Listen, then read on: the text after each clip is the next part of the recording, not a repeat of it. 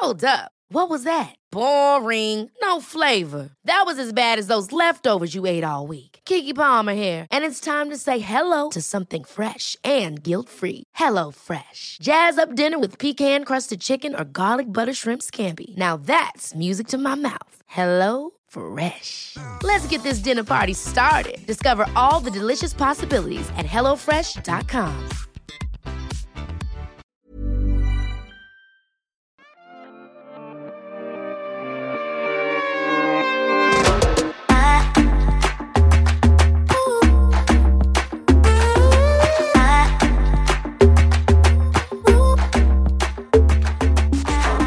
Hello, alle sammen! Beautybloggerne er tilbake, og i dag så er det meg, Thomas, Ragnhild og en spesiell gjest. Gjesten i dag er Ada Martini, som egentlig er en veldig god venninne fra back in the days. Hun jobber som modell og har en hjertesak med fast fashion. Eller hun har ikke en hjertesak med fast fashion, men Kanskje det eh, motsatte. Kanskje det motsatte. Så flink var jeg på dette her. Hun elsker fast fashion. Enig. Ja.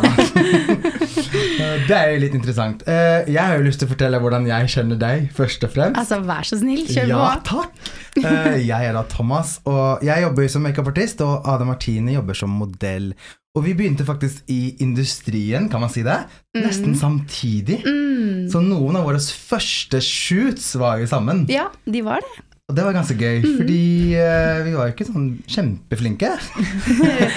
Nei Hvor gamle var dere på det tidspunktet her? Ti? Ti år? Ja, kanskje tolv? Gud, hva kan vi ha vært? Hva var du? Du var jo ung.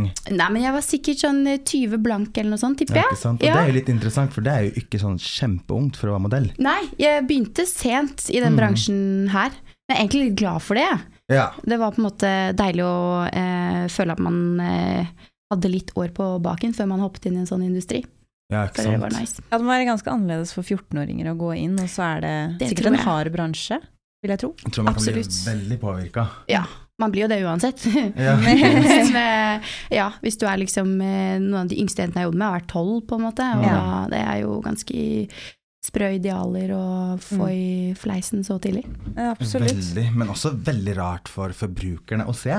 Mm. Fordi de blir jo solgt inn som voksne damer. mm, mm. Which is really weird. Ja, det er veldig rart, fordi når jeg tenker på barnemodeller, så tenker jeg jo eh, Lindex-reklame og så barn med barneklær. Mm. Ja. Men du snakker om tolvåringer som har på seg Dolce Gabbana og liksom skal Mm. være en voksen kvinne. Mm. Yes. Absolutt. Viktig.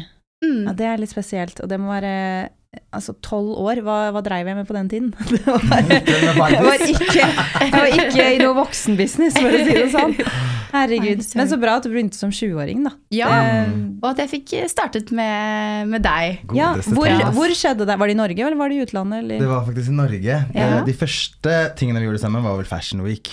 Ja. Eller eh, mm. Oslo Fashion Week, som det het da. Og da husker jeg at vi stjal jo så mye produkter hele tida. ja.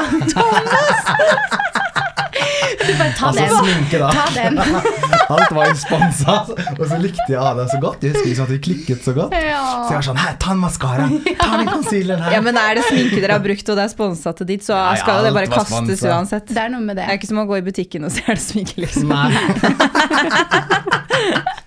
så det var jo litt gøy. Så vi vant, altså, gikk jo på noen sånn afterparties og syntes det var kjempestas. Ja. Vi fikk vel egentlig ikke Jo, vi fikk komme inn, men jeg husker at det var noen andre som ikke fikk komme inn fordi de var for unge. Ikke Speaking sant? av. Ikke sant? Riktig. Ja, det var tider, og du Det var var, eh, alltid, alltid god på Jeg elsket å få cat eye på den tiden. Jeg har ikke telling på hvor mange cat eyes du har velsignet meg. Og jeg kan fortsatt ikke gjøre det selv. Er det sant? Ja, ja. Nei, det er altså Jeg er helt Og det var ikke sånn små cat eyes. Du la stor eyeliner, ting skulle dras opp. I love Alt skulle dras opp, og det var så gøy. Det var kjempegøy. Oh, Men det er så gøy at dere har en fortid sammen, fordi ideen om å få deg hit, Ada, det var jo Ja. min. Mm. ja. Eh, fordi jeg ble anbefalt eh, å følge deg på Instagram for en stund siden, jeg husker ikke helt når, men lenge siden. Ja. Eh, fordi jeg begynte å intermas intermassere, inter Skjønner meg litt mer for, uh, for uh, fakta rundt bærekraftig mote. ja. Og det syns jeg har vært en skikkelig, skikkelig jungel. Ja. Altså Det er bra ord for å beskrive Ja, det. Jeg syns det har vært kjempevanskelig, fordi jeg har vært engasjert, og jeg har vært uh, en som er villig til å lære mer, og, men jeg syns det er utrolig mye eh, altså folk som prøver å Ikke folk, men brands da, som prøver å greenwashe, ikke sant. Og Mm. greenwashe betyr jo da at de fremstår som bærekraftige, men i utgangspunktet ikke er det. Mm. Så jeg syns det er veldig vanskelig å finne ut hvordan kan jeg som consumer være mest mulig bærekraftig med klær. Mm. Og jeg ser jo at det er jo et skifte som skjer nå, som er kjempestort. De fleste brands på en eller annen måte prøver å fokusere på det. Men noen gjør det jo da litt bedre enn andre. Ja. Men hvordan, eh, hvordan var det liksom du snudde inn til å fokusere på bærekraftig mote? Fordi du er jo da en, en leder innenfor det her. Altså du har skrevet bok, og du fokuserer på det på Instagram, og har sikkert litt mer informasjon som jeg tenkte at dette må vi få inn i poden. Fordi dette er det noe folk lurer på, så er det jo det i disse dager. Ting skal være bærekraftig og etisk, og praise the lord for, det, for that. ja. Men det er jo en jungel, som du sier, og for min del òg, så var det jo også sånn eh, Da jeg begynte å sette meg inn i det, så for det første så er det så overveldende og så mye og så komplekst, for det er disse endelange næringskjedene som alle merkene har, da, med på en måte produksjon langt borte, og de henter tingene sine fra et sted som man kanskje ikke engang kan spore, ikke sant. Så hvor, hvor begynner man som forbruker? Og også sånn eh, For min del var det en sånn kjempelang prosess ved å måtte lære mer og mer, og så på en måte akseptere liksom at ok, det, det her er faktisk sånn det funker, og mye av de tingene som eh, skjer i den industrien er jo ganske stygt, og det er ganske mange mennesker som tjener shitloads med penger på eh, å eh, ikke gi sine arbeidere en levedyktig lønn engang, og sånne sannheter, da. Og så innså jeg sånn at jeg promoterer disse produktene eh, hver eneste uke, eh, og er på en måte en levende reklameplakat for dem. Eh, og så ble jeg liksom sittende med den følelsen over lang tid, og tok lang tid før jeg egentlig tok noe grep. Det var ikke før ehm, før i lockdown, i korona, så leste jeg meg opp enda mer, og så når samfunnet begynte å åpne litt igjen i april, så fikk jeg noen sånne options, da, som man kaller det, eh, på eh, kunder som var interessert, og da var det på en måte bare eh, Det var fast fashion alt sammen. Og da bestemte jeg meg for at liksom bare Nei, nå er jeg ferdig. Nå Mm. er det på en måte på tide å ta et lite standpunkt, og så eh, var jo det eh, ganske spennende, for det var jo mange som bare Ja, men du kan jo ikke si at du jobber bare med eh, merker som er bærekraftige, fordi de finnes jo ikke. Mm. Og da er det sånn Ja, men da, da har vi jo et enda større problem. Absolutt. ja, så Noen fall- må jo ta det første steget, og jeg må bare si det er så utrolig imponerende da, å gå ut som modell som har masse jobber tilgjengelig, og bare si at nei, jeg tar ikke de jobbene her fordi jeg står ikke for det dere står for. En ting er jo på en måte å gå og kjøpe seg en topp på Sara, men en annen ting er å promotere det og få mange andre til å kjøpe seg den Mm. toppen på Sara også. mm, Så nei, jeg må bare si kuros to you. Det er dritbra gjort. Så og det er jo levebrødet ditt. Ja. Det du Ja. har levd av. Ja. Så det er, eh, det, er, det er bare så stort, da, det du har gjort. Man skal ikke undertenke det i det hele tatt. Det er virkelig, virkelig stort. Så hyggelig. Eh, altså, det har jo vært en veldig sånn eh, Ganske sånn tøff overgang, men ikke tøff på den måten at det har vært vanskelig for meg, men bare tøff på at jeg har måttet lære meg veldig mye veldig fort. Da, og på en måte Ok, så hvis jeg ikke kan jobbe med de, hvem kan jeg jobbe med? Hvordan skal jeg definere det?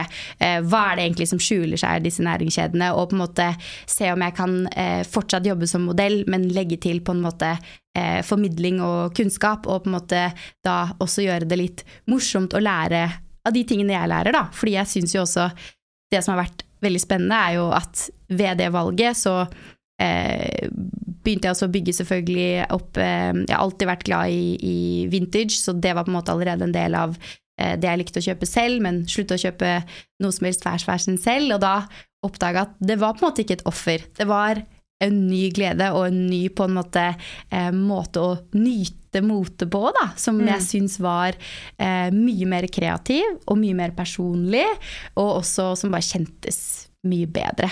Og så Mm. er det jo liksom sånn, den industrien får jo bare kjeft hele tiden om alt som gjør galt, og alt er feil. Mm. Samtidig så er det også på en måte den industrien som definerer eh, hva som er in.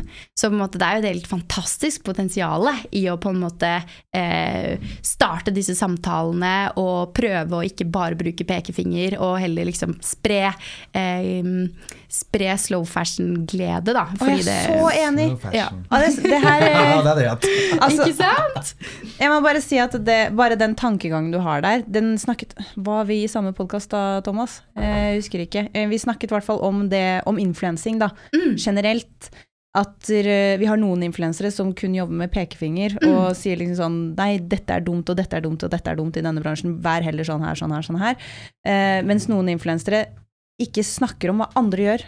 Ja. Men de fokuserer på seg selv, og så viser de hvor bra og godt og fint det er å gjøre det på den måten. Mm. Og det frister å følge de, og det frister å gjøre det samme. Ja. Og det, jeg bare syns at det mm, i hvert fall påvirker meg mye sunnere, eh, og jeg får eh, mye mer lyst til å gjøre det. Når jeg bare ser at noen viser noe fint, Ja. eh, og fokuserer på seg selv istedenfor å si at 'ikke gjør sånn som hun', fordi det er helt forferdelig. Mm.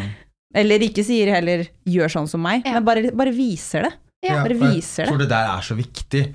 Altså, det er mye negativitet der ute, men det er også masse positive ting. Mm. Og man kan velge å fokusere på de tingene som er positivt. Og det syns jeg er fint med boka di Green Glam. Og jeg elsker jo navnet, for det er litt sånn morsomt. Green glam, I love it! Ja, og det er jo ikke bare mote. Nei. I boka di så snakker du om hvordan man kan gjøre ting enklere for seg selv i hverdagen. Mm. Med, altså om det er mat, om det er klær, eller om det er eh, standpunkter man kan ta i forhold til hva det nå skulle være. Mm. Og det er det jeg syns er så fint, sånn som Ragnhild sier, at man kan gjøre små ting. Du må ikke gjøre alt. Og sånn Mm. Nei. Mm. er det med alt. Du kan ikke gjøre alt, men vær litt bevisst, da. Kanskje tenk litt ekstra før du kjøper den ene T-skjorta. Mm. Trengte du virkelig den T-skjorta når du har 17 andre T-skjorter? Mm. Det er sånne ting jeg syns er så viktig. Ja, og så er det jo måte, det å bli kjent med vanene våre, da. For det er så mye vi gjør på automatikk og på autopilot, og som bare har blitt en, en del av oss, om det er liksom skjermbruk eller fast fashion eller eh, ja, mange mange uendelige lister med produkter som finnes der ute. Mhm. Eh, men det å på en måte stoppe opp og bare hmm, jeg har en forbrukermakt, og kan jeg bruke den til å bidra til å gjøre en forskjell i hverdagen, så, så tror jeg også det er enklere å eh, Når man får slengt i fleisen sånne rapporter som forteller hvor ille det står til, da, at du føler at du i hvert fall er med og gjør noe, det er ganske berikende, og også litt sånn ja, som du snakket om i boka, prøver jeg jo å på en måte vise hvordan man, eh, ikke bare som forbruker, men vi er jo også på en måte først og fremst innbyggere, mennesker, eh, planetboere. Og eh, det er ikke bare gjennom kjøpsvanene våre, for vi har jo alles ulikt utgangspunkt, så det er jo urettferdig også å si at alle må slutte å kjøpe fast fashion, for for noen er det det eneste de kan. Så det er Mm. liksom Ja, man må, det er så mange hensyn å ta, Mm. og, og man må gjøre det som motiverer en selv, og som gjør at en selv får lyst til å ta større del i da denne grønne omstillingen, da. Så Mm. fantastisk sagt. Ja, det var nydelig. Er det innøvd tale? Det var- Nei, men, men jeg, jeg tenker på sånn som det du snakker om med prisklasser, da. Eh, Ja. Fordi veldig mange brands som er bærekraftige, eh, produktene koster jo mer, fordi de som lager det får bedre betalt, som er superbra. Um, men går du på Tice eller Finn, så kan du jo kjøpe brukt, og da er jo på en måte nesten jeg skal ikke tørre å si noen ting, men veldig i hvert fall mindre footprint da, Mm. eh, fra deg selv, og da kan du jo kjøpe veldig billig. Mm. Altså jeg, når jeg skal handle billig, så går jeg inn på Theis, og jeg finner skatter. Ja. Og jeg finner jenter som jeg elsker stilen til, begynner å følge de, sånn at jeg alltid får opp når de selger ting. Ikke sant? Jeg følger hun ene mm, moteinfluenseren eh, Malina Kragman. Jeg elsker stilen hennes. Hun har en fantastisk stil. Så nå har jeg bare så på sånn der alarm når hun legger ut ting.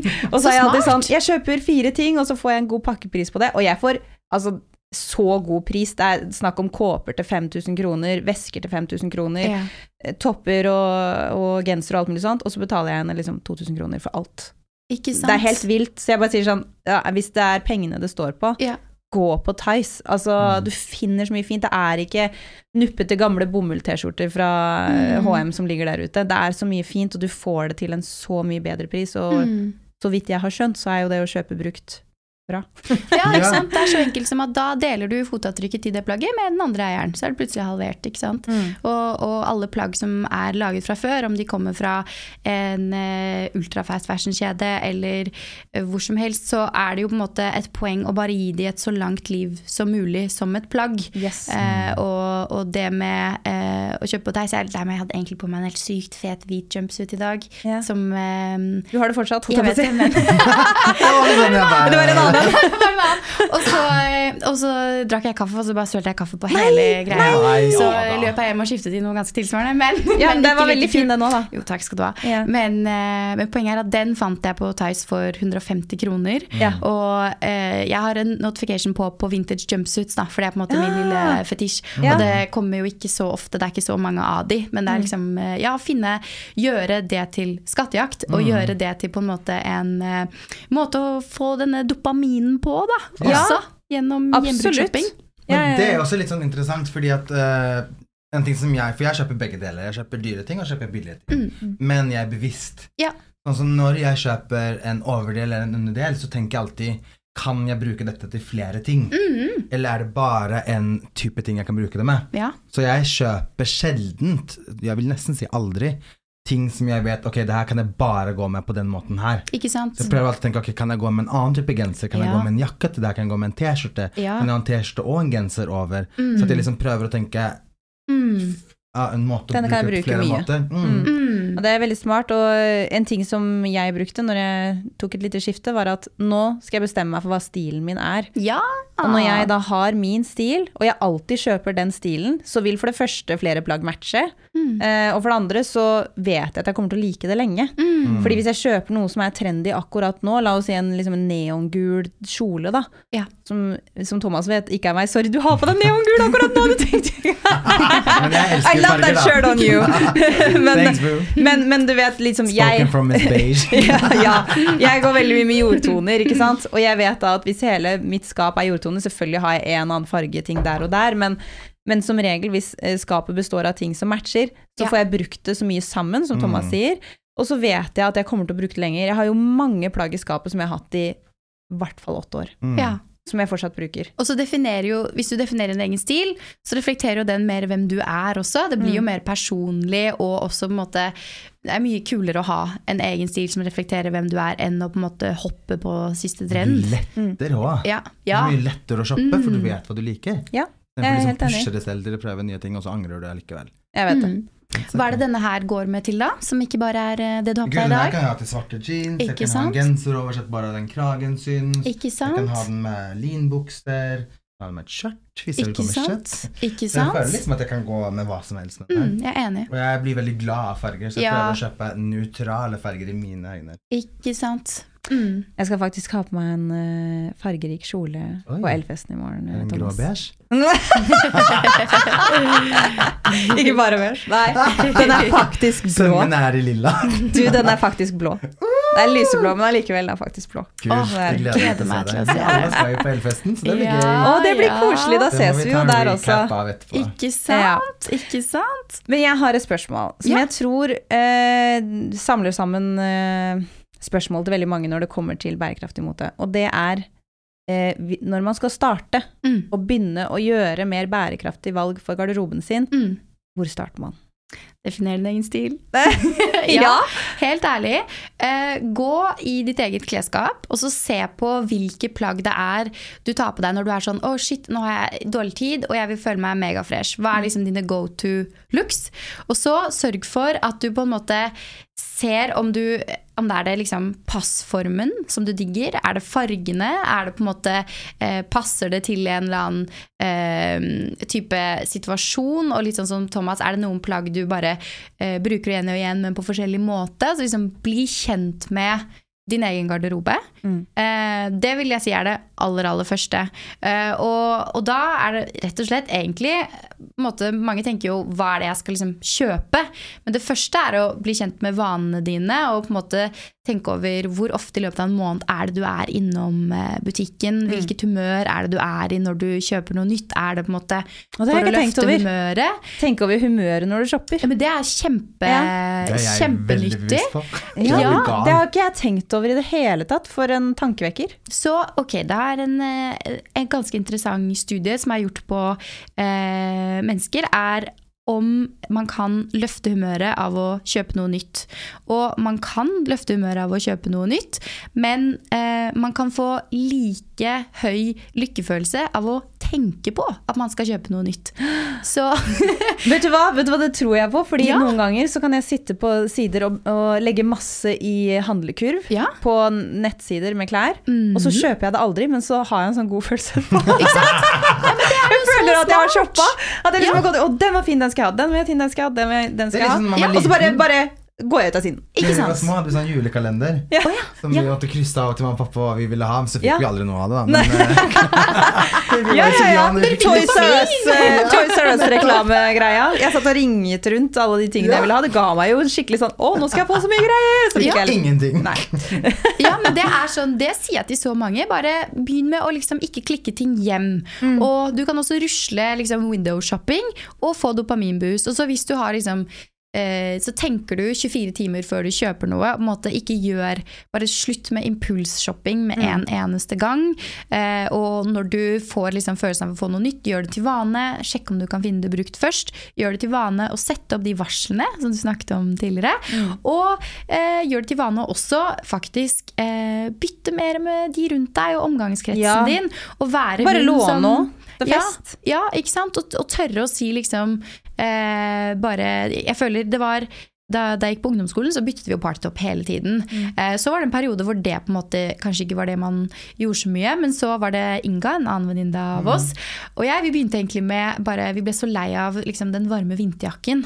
At du på en måte bare går med den samme varme vinterjakken hele tiden. Ja. Så vi begynte på en måte å bytte på de, begynte å bytte på boots og sånn. Og eh, sakte, men sikkert liksom, gjorde det helt til vane at liksom, vi shoppet i hverandres klesskap. Ja. Eh, og, og nå er det liksom For meg så er jeg hun som liksom, sender en melding og sier sånn Du, jeg vet at du er glad i å eh, donere ting. Neste gang du har en Ikea-pose full, så vil jeg gjerne se oppi den. Og jeg har også eh, noe som kanskje du kan like. Og så bare begynne å bygge opp på en måte og normalisere at det liksom ikke er at du er gjerrig fordi du ikke vil gå på butikken, men det er at du har et bevisst forhold til eh, overforbruk av klær. Da. Den største utfordringen til klesindustrien er overforbruk. ikke sant?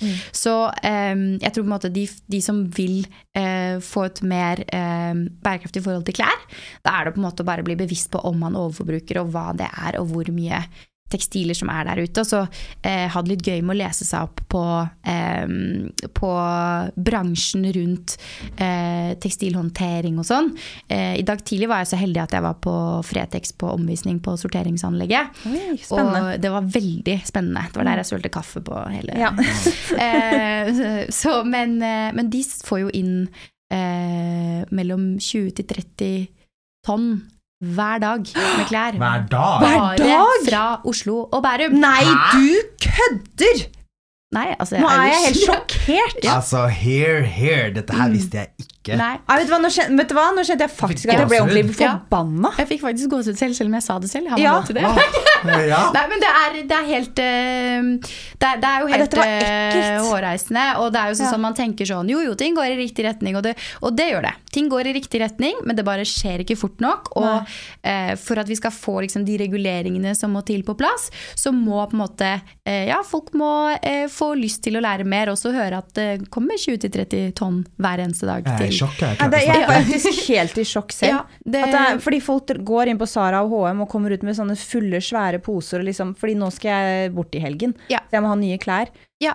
Ah, hjelp! Jo, Ja. nå kommer jeg på det Men jeg, vi har alle vært der. Ja, sant? Jeg har også shoppet i øst og vest, og lønning er lik eh, løp og kjøp, liksom. Yes. Det er, eh, og det Jeg er, er helt eh, det er, Vi må ha mer kunnskap om det, rett og slett. Ja. Altså, folk må bare få høre hvor ille det er. Men Mm. uh, en ting jeg tenkte på, eh, var um, Jo, en ting som eh, jeg oppdaget, var en app. Ja. Hvor man kan lage garderoben sin inni appen. Mm. Jeg må si at jeg ikke har hatt tålmodighet til å gjøre det ennå, men jeg Ja. syns det er så smart. Ja. Men det er i hvert fall at du tar bilde av alle plaggene du har, og så har du da bilde av alle plaggene i den appen. Og så kan du planlegge outfits og sånne ting. Eh, Ja. og det er jo én ting, men en annen ting er at du ser hva du mangler og hva du ikke mangler. Mm. Så la oss si du er i Bogstadveien og du går inn i butikker og sånne ting, og så ser du en veldig veldig fin hvit kjole. Så kan du liksom smekke opp den appen, og så ser du vet du hva, jeg har faktisk en kjole som er ganske lik, men jeg ser at jeg mangler olabukser. Mm. Så da kan jeg heller bevisst gå og se etter en olabukse som jeg elsker, Wow. og få inn i liksom, kartoteket mitt. Da. Mm. Eh, sånn at du har en fullverdig garderobe med alt du har lyst til å ha, men at du ikke ender opp med ti jeans fordi du liksom glemmer at du hadde den du kjøpte i fjor. Mm. Kan du sette sammen outfits der òg? Ja. Men Ragnhild, hva heter den appen her? Appen heter eh, Closet, rett og slett, eller Smart Closet. Det er en hvit logo med sort tekst hvor det står Closet. Den koster 44 kroner. Og her kan du da legge sammen outfits som du syns passer sammen, sånn at du har det lagret. Ok, denne buksa passer fint med den og den og den og den og den toppen. Og fint med disse skoene og disse solbrillene. Og så kan du da lage i sånn kalender 'Dette skal jeg ha på meg denne uken', hvis du er såpass eh, ivrig på det. For min del så handlet det mest om å bare få oversikt over hva jeg hadde i skapet, og Mm. hva jeg eventuelt skulle se etter hvis jeg skulle kjøpe meg nye klær. Ja. Altså nå vet jeg at jeg mangler bukser, Mm. så nå skal ikke jeg kjøpe meg noe annet før jeg liksom eh, Det er bukser jeg skal se etter. Jeg skal ha en olabukse jeg er fornøyd med, både i jeansfarge og i sort farge. Og når jeg da har det, så har jeg det. Mm. Og da skal ikke jeg ha flere sorte jeansbukser som Mm. er så å si like, liksom. Jeg vil bare ha en som jeg kan bruke. Mm. Mm. Men det er jo det der med ja, å få oversikt over hva man har, det er så utrolig hjelpsomt. Ofte når jeg føler at jeg ikke har noe å ha på meg, så må jeg på en måte bare samle alt, eh, legge alt i en kaos eh, eh, haug på sengen, og så bare Ja, men den og den, den og den, ikke sant? Så har du bygget helt nye outfits Mm. Yes. på en enkel måte. Og så lurer jeg da på, hvis du skal kjøpe deg et helt nytt plagg Du, Ja. du finner ingenting på Theis, du finner ingenting på Finn, eh, du må ut og kjøpe det helt brand new. Hvilke klesmerker vil du anbefale å kjøpe fra da som du opplever at har en etisk og bærekraftig produksjon? Ja, det er jo et veldig godt spørsmål. Ja, det er det. Eh, så, så, og, og jeg skulle ønske jeg hadde en sånn smørbrødliste. Mm. Men jeg vil heller anbefale eh, å gjøre litt research selv, Mm. og sjekke om det er åpenhet der, om det er et merke som er åpne om hvordan de gjør ting, om de adresserer bærekraft på hjemmesiden sin, Mm. og om de adresserer eh, arbeidsforhold og levedyktig lønn til arbeiderne sine, eh, om de adresserer forbedringspotensialet, eh, om de eh, adresserer materialbruk, og om de beskriver seg selv som et bærekraftig klesmerke. Mm. Eh, hvordan og hvorfor gjør de det, da? Og hvis man ikke finner noe eller deler av den informasjonen, sende en melding og høre om de um, jobber med dette, eller om de har noe svar på det man lurer på. Ja, Nei, unnskyld, jeg bare hadde et spørsmål. ja. Spørsmål for Thomas? Er det spørsmål? Ja, fordi jeg lurte på i forhold til det her med adresseringer. Fordi i makeup for eksempel, så Ja. finnes det noe som vi kaller sertifiseringer. Ja. Da får du en sånn stamp på en Mm, måte. mm. Finnes det i klesindustrien nå? Det finnes, men det er så mange av de, og det er på en måte eh, ja, Gods for eksempel, er en av de. Eh, men det som er litt problematisk, er at mange lager sine egne sertifiseringer. Og det er ikke noe sånn eh, overordnet eh, regelverk eller sertifiseringsverktøy.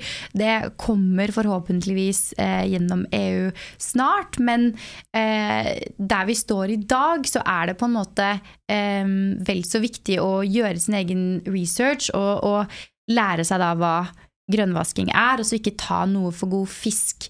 Fordi det er veldig mange, særlig fast fashion, også her hjemme, som, eh, som eh, lager bærekraftige capsule-kolleksjoner og eh, skryter masse av det, men så har de på en måte kanskje en gigantisk kolleksjon i bakhånd som ikke er etisk produsert, og da er det på en måte ikke egentlig et bærekraftig selskap, og da burde de ikke få lov til å smykke seg med det, da. Eh, men hvis jeg skal liksom nevne ett sted nå, i Oslo som eh, har gjort all denne researchen for deg, det er på en måte et sted der jeg kan gå med lave skuldre og eh, stole på de, det heter JF Curated, og der har de masse forskjellige brands, og det ligger i Prinsens gate i Oslo. Eh, og det er jo eh, eh, absolutt eh, høy kvalitet og også eh, litt høye priser, åpenbart. Det er veldig høy kvalitet. Så, så, eh, men der, der har de et godt kuratert ja, en godt kuratert mm. kolleksjon, eller hva man skal kalle det, av ting. Så har de jo på en måte Patagonia, Stella McCartney er også dyktige. Eh, men, men når man gjør en sånn eh, Det er noe som heter Remake Our World, som er en eh, en organisasjon som jobber for en mer bærekraftig klesindustri, de um, har uh, laget mange rapporter på uh, hvordan alle disse merkene ligger an, og dessverre er det jo sånn at måte industrien må ta en ganske sånn heftig eh, omstillingsperiode for å faktisk være mer bærekraft. Så man kan bli litt skuffa over Ja. å lese de rapportene, rett og slett. Eh, men jeg tror på en måte så lenge man snakker om det og får da eh, Ok, hvorfor, hvorfor er de skuffende? Hvilke problemer er det de ikke har løst? På en måte Sånn at vi kan med helt konkrete eksempler lære sammen med dem. da. Så det er på en måte eh, Jeg hørte på eh, en, eh, en fin podkast i går fra Business of Fashion. Den anbefaler meg jeg, hvis man vil lære mer. Ja, Boff, Eh, holdt jeg på å si. Ja, Boff, ja. Ja. Boff, boff. Jeg på. Eh, ja, og da var det en som påpekte, eh, og det syns jeg egentlig var veldig fint, at eh, åpenhet er jo på en måte et av de viktigste verktøyene vi har for å få klesindustrien til å bli mer bærekraftig. Men ærlighet er like viktig. Ja. Så, ja, så det er noe med det Hva er forbedringspotensialet? Fortell oss hva dere ikke får til. Ja. Eh, det er vel så viktig. Så eh, ja. Mm. Ja, fordi veldig mye ansvar faller jo på forbrukeren her. Ja. Og jeg tror ikke det er, hva skal man si, realistisk, da. At mange begynner, som du sier Det er veldig fint om folk sender en mail til et merke og spør er det bærekraftig, men jeg bare ser ikke for meg at flermannsen kommer til å gjøre det. Absolutt. Så det at det skjer noe på et politisk nivå her, som du sier at det kommer sertifiseringer som vi vet at vi kan stole på, eh, og liksom ok, nå er den sertifisert. En som har peiling, har sjekka ut det her, og alt Ja. jeg trenger å se etter, er det merket. At det ikke er på plass ennå, er jo helt rart, syns jeg, men eh, det kommer forhåpentligvis snart. Ja. Men eh, en ting jeg tenkte på, var um, Jeg føler selv også at jeg er blitt lurt av grønnvasking. Ja. Fordi jeg eh, forelsket meg veldig i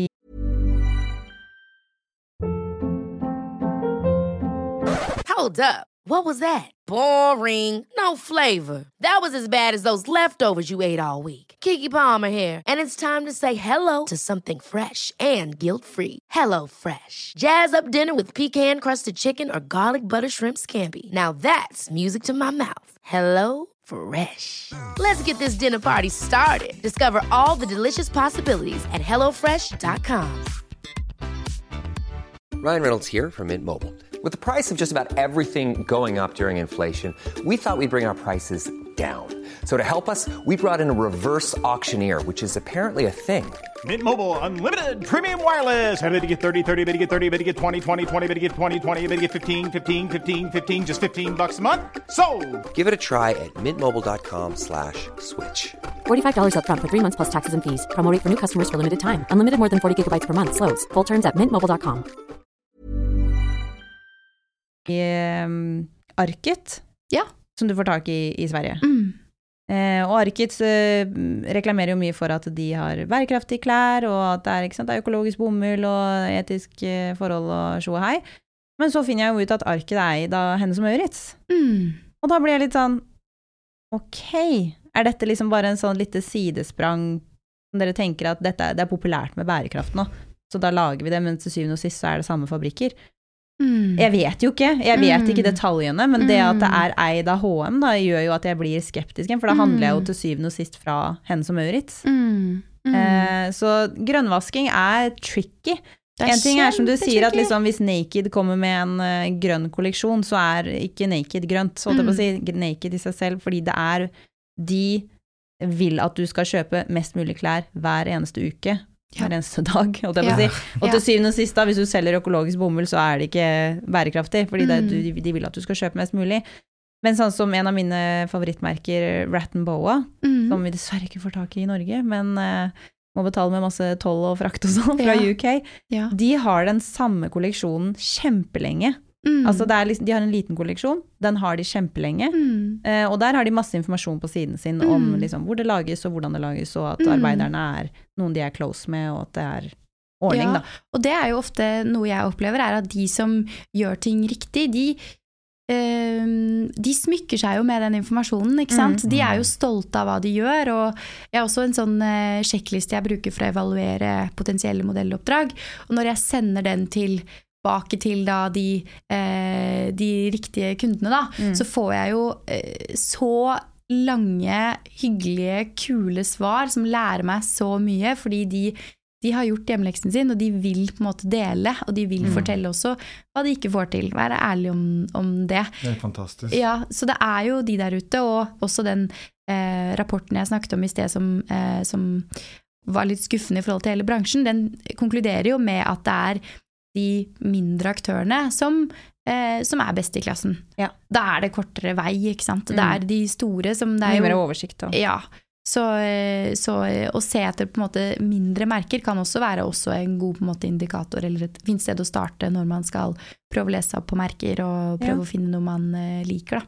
Det er veldig smart. Jeg kan også anbefale, i tillegg til Rat Boas, kan jeg anbefale Studio Tia. Ja. Fant jeg her om dagen. Og fine klær. Men jeg har et spørsmål. Mm. Jeg kan ikke så mye om dette her, obviously. men Envelope, som er et norsk Ja. brand eh, Jeg har jo bare hørt at de f.eks. ikke lager så mange kolleksjoner. Mm. At de liksom ikke kjører sesongsbasert og prøver å være så økologisk og Mm. gjøre allting etisk riktig. Vet dere noe om det?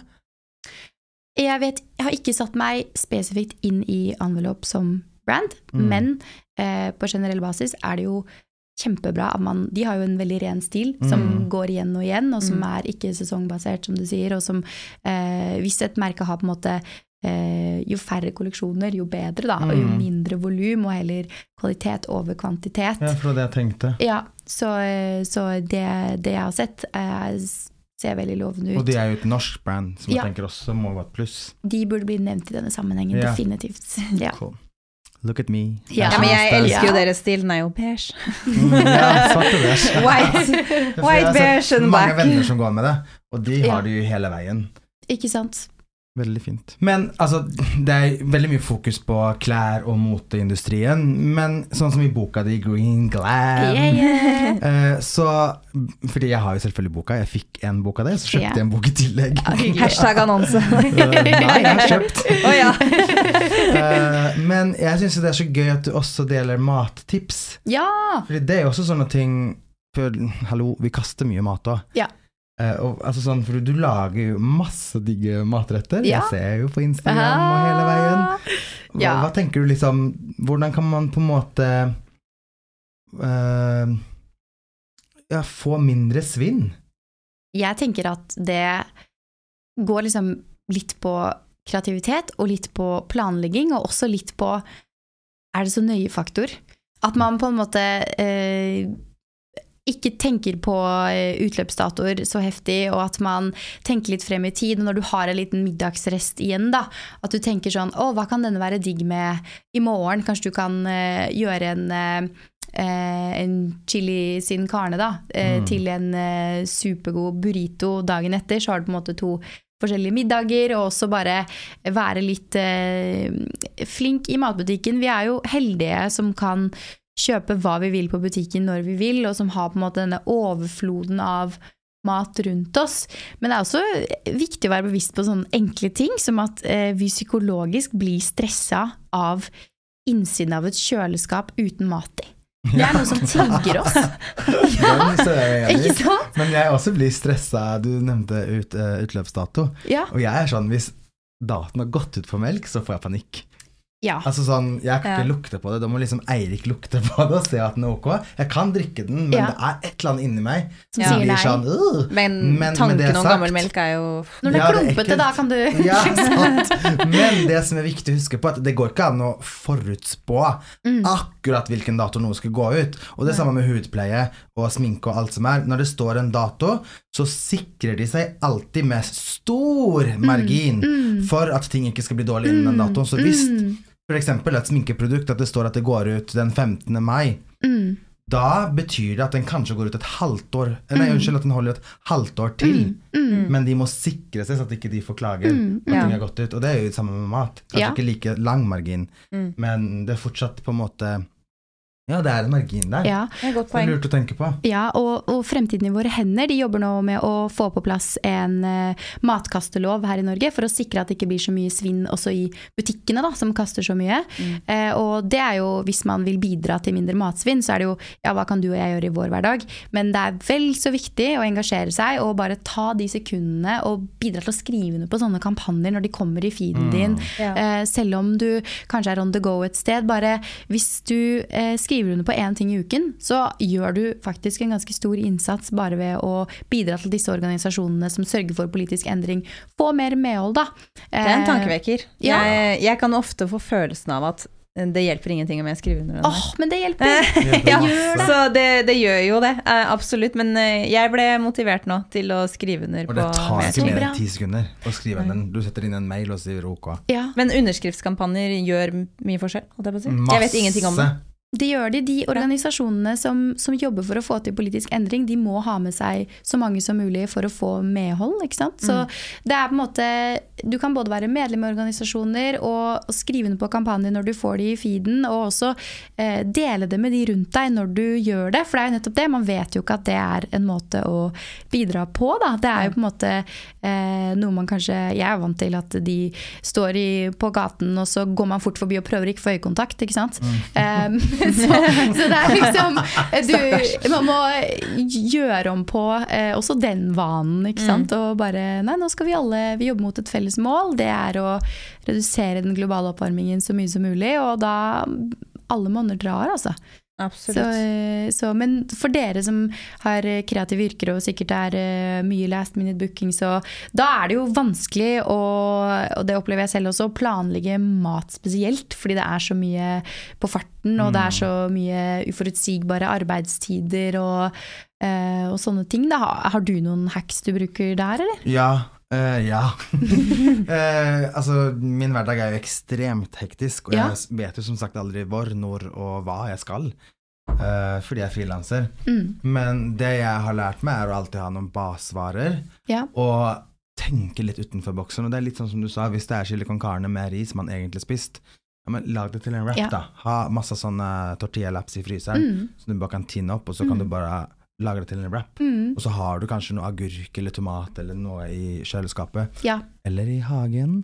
Ja, du har jo den grønnsakshagen. I hvert fall sommerhalvåret. Og så går det an å skrive hvis du har liksom eh, tre rare ingredienser. En gang hadde jeg aprikossyltetøy, grønnkål og eh, eh, gresskar. Eh, og så puttet jeg det inn i Google, og da kom det opp bare ingredienser til en salat som jeg nå har laget tusen ganger senere. Oi! så Så blir det. Ja, Nice. Så du på en måte bare se hva du har. Googler og, Men hva ja, skriver du da i Google? da skriver jeg ingrediensene, og så Ja. recipe. Ja, kult! Og så, så kommer det fyr opp. løs. Ja. Nydelig. Jeg er jo blessed med en uh, mann som spiser alt av rester. Jeg spiser ikke så mye rester, fordi jeg, eller jeg, jeg spiser rester, men når det er sånn kald kylling og sånn, eller kald eller eh, kylling eller eh, fisk som har vært i kjøleskapet som har Ja. blitt spist på, da får jeg sånn uh. Men han spiser alt. Han spiser Så alt. Så, så da, er det, da er det nice, fordi jeg hadde jo da ellers lagd mye mindre mat, Ja. men han er sånn lag hele pakka. Lag alt, lag mye mer enn det du tror. Jeg er bare sånn, ok, det er sånn her, har vi fem barn, eller hva? og så lager vi kjempemasse, setter i kjøleskapet, og da er han good. Ja, han spiser det til frokost, lunsj og middag og alt mulig. Så jeg er, jeg er sett akkurat der. Ja. Men uh, selv om jeg har uforutsigbar dag, så er det sånn Jeg er nok veldig sånn uh, yoghurt- og bananjente Mm. som bare kjøper med meg det, og det blir jo Mm. spist opp. Men, Mm. eh, og hjemme da, så er det jo han alt går i grisen-fyren, da. Ja. Kjører dere noe sånn Meatless Monday-opplegg eller noe sånt? da? Jeg spiser nesten aldri kjøtt hjemme. Nei, samme her. Um, fordi jeg er ikke så fan av kjøtt, sånn privat. Ja. Uh, Så det er sjeldent. Vi kjøper Mm. aldri inn gris. Mm. Eh, blir jeg servert et sted, så spiser jeg det. Mm. Men, eh, men hjemme også, det er veldig lite rødt kjøtt. Det er ytterst sjeldent. Og så er det kanskje uh, kylling og fisk, da. Eller kalkun, som det går i. Mm. Men, uh, men mest av alt så er det faktisk eh, vegetarretter, og det er ganske Det er jo digg. Ja, og så er det jo så mye sånne meatless-ting man kan spise nå. Det er Ja. hamburgere, det er pølser, det er hva heter det, kjøttdeig. Ja. Altså som ikke er kjøtt. Mm. Og, det, og alt er jo marinert og krydret. Og Mm. Jeg har sånn greie sånn jeg var liten. Jeg hatet kjøtt da jeg var liten. Oh. Uavhengig av industrien. Selvfølgelig er det en stor faktor for meg også nå. Men altså hvis jeg får brusk eller fett Ja. eller sånn skinn, så kan ikke jeg spise mer. Da er jeg nice. Mm. Så da tenker jeg sånn, hvorfor ikke bare gå, gå, gå vegetarian, så Ikke slipper du den dritten der. Ikke sant? Jeg syns det smaker bedre noen ganger, for da er jeg safe. Ja, Men det må jo ha vært for deg, for jeg husker eh, da du fortalte meg at du foretrekker vegetar. Det er ganske mange år siden. Mm. Da var du vel sikkert litt sånn alene om det, eller? Eh, Ja, ingen av mine venner. Nei. Herregud, så mye har. Altså, det beste av alt er at det er så mange ganger jeg har servert vegetarretter uten å si noe. Ikke sant? Så hvis jeg har laget lasagne, så bruker jeg kjøtt, eh, altså kjøttdeig som ikke er kjøtt. Ja. Og, liksom, og så kan du bruke melk som ikke er melk, sant? så Ja. alt går jo. Ja. Uh, og så har jeg servert middagen og liksom ikke sagt noen ting. Og alle sa 'hvordan var det', det var dritgodt, ja, det var sånn og sånn. Og så bare 'det var vegetar'. Ja, jeg visste at det var et eller annet. Ja, bare, ja. Du gjorde vel det? Sure eller ikke. Så det at uh, du kjenner ikke alltid forskjell. Og jeg syns at de, de har blitt så flinke Ja. På disse tingene nå at det, det skal mye til at du kjenner forskjell. Ja, ja, ja. Og jeg syns det er eh, så mange uh, morsomme på en måte, smaker og teksturer, og det på en måte samme som med mote åpner opp en sånn ny verden av på en måte matglede, da. Og Ja. kunne eksperimentere litt med det og sånn. Men jeg vil jo si på en måte en sånn uh, ny ingrediens er liksom tid. At Mm. man Ja. må bare ha litt ekstra tid til å eksperimentere litt. Ja, og på en måte prøve å gjøre det til en hyggelig greie med venner, og så liksom invitere til vegetarmiddag sammen, og prøve å lage og inspirere hverandre og sånn. Og, Så er det ikke bare salatblader. nei. Jeg er så lei, det er ikke en kanin. Ja, men jeg spiser ikke bare salatblader. Nei, absolutt ikke. Og jeg må Det er si at dere, sånne kjøtt, sånn som skal være kjøtt, men som ikke er kjøtt, er ikke jeg så fan av. Men eh, jeg elsker å bytte det ut med bønner og sånn. Ja. For eksempel på taco. Jeg syns tacoen har løftet seg 20 000 hakk. Ikke Jeg syns den smaker så mye bedre når jeg bruker liksom bønner istedenfor uh, kjøttdeig, og krydder med tacokrydder, og så blir det liksom sånn godt og mye yummy. smak Og, det smaker så mye mer. Mm. Det er så godt. Ja. Så nei, vi har utforsket masse vi, Etter vi så ja, visse dokumentarer og det altså, Ja. Alle vennene mine også begynner å spise mer vegetar. Mm. Noen er vegetarianere, og Mm. noen er liksom bare kuttet drastisk Mm. ned på innhandling av kjøtt. Da. Mm. Eh, jeg synes, eh, For oss så funker det veldig bra at vi kjøper ekstremt lite kjøtt. Eh, men at vi til, liksom, til jul, eller hvis vi blir bedt bort, at vi kan spise det. Men, eh, men all kudos til alle som er liksom, veganere Ja, og for jeg har vegetarianere. en ting der. Der jeg, jeg bare bøyer meg i støvet, fordi jeg syns det er helt rått. At Ja, man for det er jævlig mye planlegging å være veganer. Men, nei, men en ting som jeg syns er fascinerende, er at jeg har en venninne som er vegan på fulltid. Ja. Og hun inviterte i middag, og hun still this day har laga en av de beste rettene jeg har smakt. ja. Og det er sånn, du tenker ikke over det. Og hun lagde da sånne kjøttbiter uten kjøtt, som hun hadde i en sånn rødvinsgryte. Så, og med masse liksom opplegg. Og så hadde hun Mm. potetbåter Mm. som hun hadde i ovnen. ja. Og så lagde hun grønne erterpuré som er liksom spicet opp. Å, så digg. Og så hadde hun rødvinsaus liksom fra den gryta. Nice. Og jeg kjenner jeg ble sulten ja, av å høre på. sånn- Og hvis jeg hadde nevnt dette her nå, så hadde ingen tenkt at oi, det var vegansk. Ja. Nei. Og det bare tenkt sånn, fy faen, det hørtes Ja. dritdigg ut. Og det var så jævla godt. Ja. Ja. Eh, hvordan kan vi på politisk nivå snu hele bransjen til å bli finere, da? At det Mm. liksom skal Jeg nødvendigvis jeg syns ikke det er fælt å spise dyr. Jeg synes det Det høres, høres jeg så fæl ut når jeg sier det. Ja, men, Men, eh, i teorien så er det ikke fælt, det er teorien så industrien. Synes, Nei, jeg syns ikke i teorien det er fælt å spise dyr, men jeg syns det er grusomt å se på dyr som ikke har det bra før de mister livet sitt. Mm. Hjelp, det hørtes jo så dramatisk ut, Mm. men, eh, men liksom, la oss si en elg som blir skutt i skogen, som har hatt et uh, superfint liv før han plutselig ikke visste at han hadde lenger, og så blir det en middag for en familie. Det tenker jeg ikke liksom er et problem. Mm. Men å se 20 griser stikke støkk sammen i en jernport på betonggulv og sår overalt og Nei, Mm. det er liksom ikke verdt den pølsa, da, for å si det sånn. Mm. Men um, mm. ja, det, det må jo skje jeg, jeg, jeg ser ingenting på politisk nivå uh, som skjer. Men det er, jo, det er jo såpass grusomt at liksom Hvorfor blir ikke det her liksom sånn hårreisende innen, innenfor politikken også? Hvorfor er det bare enkeltpersonene som står og bare Ja, penger, sier Thomas. It's all about the money. Og så er det jo da, hvis man vil på en måte følge mer med på det, da, så vil jeg også anbefale å, å melde seg inn i organisasjoner. Fordi de pusher på og jobber for å få på plass bedre reguleringer. Og vi har jo også nå dyrevernsmerket kjøtt, f.eks. Eh, så du kan faktisk se på en pakke om eh, dyra har hatt det bra. Hvis de har Oi, fått et ser den ut? dyrevernsmerke. Eh, et lite stempel. Eh, det kan man se på dyrevern.no. Eh, Dyrevern.no. Ja. Okay. Eh, og så kan du handle direkte fra Reko-ring, og da er det Ja. du handler direkte fra bonden, rett og slett. Eh, og disse tingene vokser i popularitet, og, og jo mer som etterspør det, jo fortere går jo på en måte også de produktene eh, opp i eh, tilbud og eh, hvis etterspørselen øker. Da. Så det er jo noe med å på en måte bare eh, bidra til at det switchet skjer, både ved å følge med på de som jobber for forbedring, og også eh, ha litt øynene åpne eh, og det er jo det er litt artig, fordi hvis man begynner å eh, lese litt på det med mobilen og sånn, så vil jo algoritmen begynne å fortelle deg om de tingene, da. er sant. Eh, ja, og da kan man jo kanskje bytte ut noen av de tingene som eh, kommer opp som er eh, kanskje ikke like positive også. For jeg tror det er veldig viktig med alt som handler om klima, miljø og dyrevern og etikk, at vi på en måte også får disse eh, positive nyhetene og får med oss de glimtet av positivitet som er der, og også får disse løsningene frem. Fordi vi må huske på at mediebildet i dag er jo, eh, det er jo clickbait, så det er veldig ofte altså de, eh, vi mennesker vi trykker raskere på eh, ting som eh, er negativt enn ting som er positivt. Det er på en måte vår atferd. Og da blir det på en måte det vi får servert eh, også. Eh, så, så man kan jo også en måte å eh, bidra på er å, å kanskje ikke klikke inn på de som er mest negative, eller Det er søke sant. opp de som er positive, og så sørge for at eh, det blir litt mer konstruktivt og løsningsorientert eh, saker på forsider også, for det, det, det, er, jo mye av det òg. Mm. Jeg har faktisk en app som heter eh, Ja, det er Dyrevernalliansen, var det det du sa? Ja, ikke sant? Ja. Den heter vel Dyrevennlig, tror jeg den heter. Ja.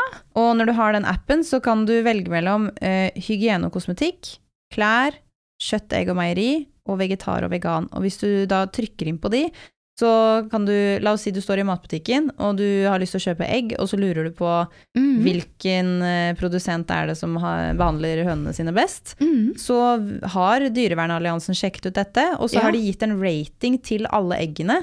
Så du ser med sånn eh, grønn smiley eller gul eller her rød, Ja. som rød er jo da dårlig, ikke sant? Og så Ja. er jo grønn da veldig, veldig godkjent. Ja. Og da er det ikke sant, da er kolonihagen økologiske egg, det er supergrønn, den er eh, supergo. Så da vet jeg, ok, når jeg kjøper egg, og det her er jo ikke noe jeg gjør hver gang, fordi til slutt lærer jeg meg jo hvilke merker som er bra Ja.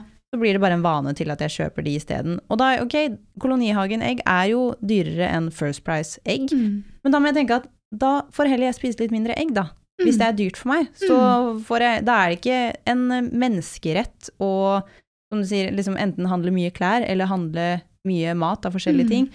Det viktigste, holdt jeg på å si, er jo at verden går peacefully around. Alle har det bra. Alle har det bra. Men Ja. hvordan er det i, eh, i beauty-verden? Har det på en måte blitt eh, eh, mer og mer fokus på på på en måte både dyrevern og rene produkter og sånn der. Hva er deres erfaring med det nå? Uh, altså Jeg gjør jo ingen samarbeid med ting som blir testet på dyr eller selges til Kina, så det er jo et valg jeg har tatt, Mhm. og, og står fast veldig hardt ved. Ja. Men uh, Hvordan er det for deg jobbmessig? null stress. Ja. Altså, det er viktigere for meg enn å gjøre samarbeid, enn at dyrene på en måte skal ha det vondt og Fordi at jeg syns heller ikke at det er en menneskerett at vi skal gå med en eyeliner, Mm. og at dyr skal ha det vondt fordi at vi skal teste og se om den funker. Mm. Halleluja. Eh, så at for meg er det uaktuelt, faktisk. Mm. Og jeg har noen ting med det sagt eh, i kittet mitt som fortsatt er gamle ting som har blitt testet på dyr. Mm. Uh, men jeg kan ikke med å kaste de, så jeg vil liksom bruke de opp så at det ikke Mm. blir forgjeves. Mm. Men jeg kjøper ingenting nytt, og jeg eh, markedsfører det ikke. Jeg gjør ingen samarbeid. Mm. Men nå er det vel ingen merker i Europa eller USA som fortsatt tester på dyr? Det skal ikke være lov, i hvert fall. Det er ikke lov å produsere i Europa, men hvis du selger en annen linje til Kina, eller mainland, mainland China, Ja. Så kan du gjøre det på det som blir testet der. Og da tar jo på en måte brandet en fake greenwashing der òg, akkurat Mm. som med klær. Fordi det jeg har trodd, Mm. som har vært det med at mange blir stempla som at de bruker eh, dyr til testing eh, fordi de selger i Kina, Mm. er at hvis eh, ting skal selges til Kina, så har Kina en lov om at ting skal testes på dyr før det kommer inn i landet, Det basically. må, de skal teste, la oss si eh, ja, et eh, fiktivt brand, da, Lala Brand, skal inn i, eh, inn i Kina. Eh, Da sier Kina er dere testa på dyr? Nei, det har vi ikke. Nei, ok, men da tester vi på dyr. Eh, Da tar vi deres maskara nå, tester på de stakkars kaninene vi har, Mm. eh, før vi lar våre mennesker bruke det her. Mm. Så det har på en måte vært Kina da, som har vært den som tester på dyr, men ikke selve produksjonen. Men selvfølgelig, hvis du velger å selge til Kina, så er Sier du jo at det er greit, På da. høyt nivå, tenker jeg da. Ja, men forklar.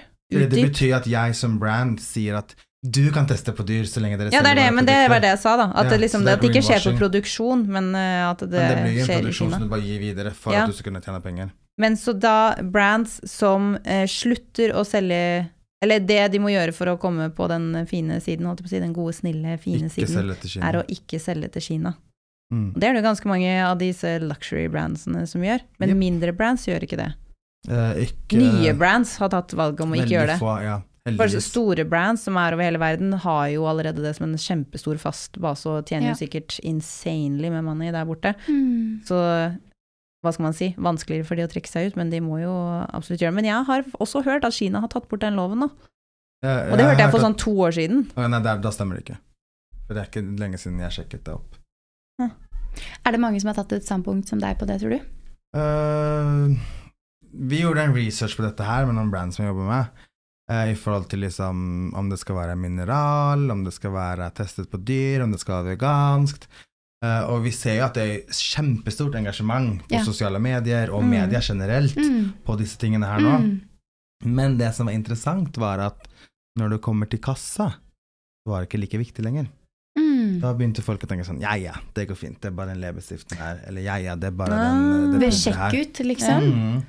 Så at, uh, det er nok veldig mange som har en høy stemme, men ikke så like stor handlingskraft, dessverre. Ja. Så jeg tenker at man gjør det man kan. Uh, Ja. Jeg har tatt det valget av å ikke samarbeide og ikke jobbe med det. Nei, men, men altså, nå høres det ut som jeg Kudos. gjør det, og det, og det er ikke det, Men eh, jeg tror nok at det har gått meg noen hus forbi også, for jeg har ikke vært like flink til å sjekke det ut. Men jeg er ganske sikker på at alle brands jeg jobber med nå, fast Skal du komme på noen, Thomas? Nei, jeg bare prøvde å tenke. Jeg klarer ikke å huske på noe brand som du har jobba med nå i hodet mitt, som jeg Nei. vet har solgt i Kina, i hvert fall. Nei, fordi det er jo alltid en samtale. Eh, Mm. Vi snakker både om, liksom, om ting er vegansk, eller, men Mm. nødvendigvis eh, Ja. Her eh, sier jeg kanskje noe som er litt kontroversielt, men blir sånn Er vegansk nødvendigvis bedre på alt innenfor sminke? Men eh, Altså i forhold til finish, eller Nei, i forhold måter- til eh, liksom Sånn som nå, da, så skal eh, I forhold til det å være vegansk, da, så skal man ikke bruke eh, noen biller for å få farge. Og så tenker jeg sånn, er det dyreplageri å bruke biller? Men kanskje det er det. Jeg en- vet ikke nok om det, da. Men de er kjempesmå. Eh, jeg tror ikke de har så mye hjerne, eller sånn. Men jeg, jeg skal ikke si noe på det, for jeg vet ikke. Nei, jeg vet ikke eh, heller. Jeg spør et helt åpent spørsmål, fordi Mm. jeg har ikke noe formening om det. eh, Jeg bare... Med det sagt, så går det an å lage de fargene på andre måter. Og så er det maskaraer, bruker liksom uh, bievoks. Mm. Voksen fra bi. De bruker ikke biene, men, Mm. men bievoks. Ja, det fins vegansk voks òg. Ja, I guess. Men, men, men er det eh, men, Ja, nå går vi inn i et helt annet tema, men jeg tenker liksom sånn der, er Bier er jo bra, skal man ikke bruke Ja. Men det er vanskelig der òg. Ja, jeg syns det er kjempevanskelig, men selvfølgelig når vi er aktører i det, så skal Mm. jeg jo være mer kunnskapsrik om det. Men eh, alle de brandsene jeg har avtale med nå, er jo, har veldig fokus på bærekraft eh, og det å være vegansk. Mm. Så mye som mulig, i hvert fall. Jeg tenker at det er kjempefint kjempefin start. Mm. Ja. Kjempefint. Og, så vil jeg også bare en liten sånn segway over til på en måte sminke, fordi det er noe som som eh, hvis noen spør meg hvordan på en måte kan du eh, fornye garderoben og deg selv og stilen din uten å kjøpe nye ting, så er liksom et tips som jeg alltid kommer med, er på en måte lek mer med sminken din på kvelden. Ja. Sånn at du på en måte kjører på med en eller annen kul gull-eyeliner. For å håpe ikke Altså, ikke Jeg må se noen bilder av denne cat-eyen. Å, det skal du få slippe. Love it. Nei, altså første gangen jeg møtte han som nå eh, er kjæresten min, så, eh, så Da var jeg der. Da var jeg sånn Thomas, eh, kan du sminke meg i kveld? Jeg har en veldig viktig date. Det var første gang vi bodde i New York alle sammen. Og han bodde i Dublin, eller Skottland? Han bodde i Dublin. Ja. Dublin. Mm. Eh, Og jobbet for et firma der, og kom på besøk ja. til New York for å møte Ada for første gang. Mm. Wow. Og vi skulle på rave. Dere skulle på rave, oh lord. Hvor ender denne historien? Altså, jeg er så full, så jeg kom ikke ut engang. Så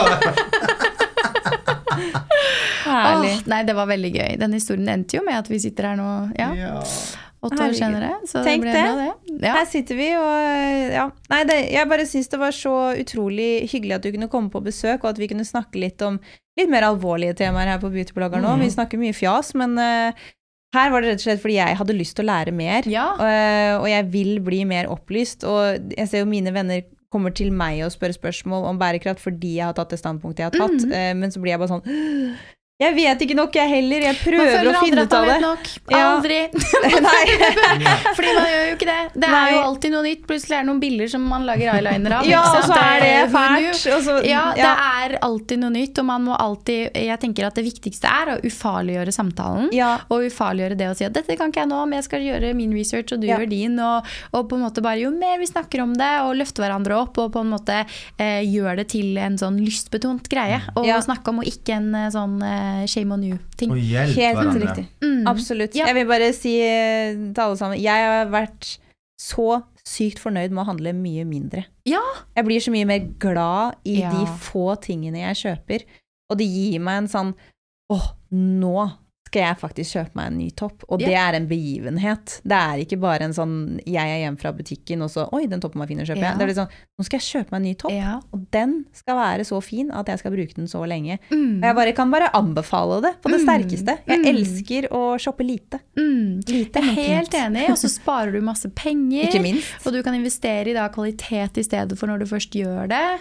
Og så er det liksom, det er jo sånn ting man ønsker seg, og den oppbyggingen. Du tar på en måte litt tilbake det. og liksom Bruk og kast er på en måte ikke trendy lenger. Det er bare Det er gir bare en kortvarig lykke, mm. istedenfor å ha en langvarig lykke. Ja, absolutt. Så um, Men dere, jeg må bare si tusen takk for i dag, og jeg føler at vi har lært ekstremt mye. Jeg håper at dere som lytter også har lært masse. Og jeg vil jo si at hvis dere har spørsmål som kanskje ikke jeg og Ragnhild kan svare på, så kan dere faktisk søke opp Ada Martini på Instagram. Yes. Så kan jo dere spørre henne der hvis det er noe dere lurer på, og hun er kjempesnill, som dere hører. Ja, og så kan du kjøpe kan- boken hennes, Green Ja. Glam. Der finner du også masse, masse gode tips. Med det var det, så hyggelig å snakke med dere her i dag. Tusen takk for at jeg fikk komme. Tusen takk for at du kom. Ha det godt! Ha det!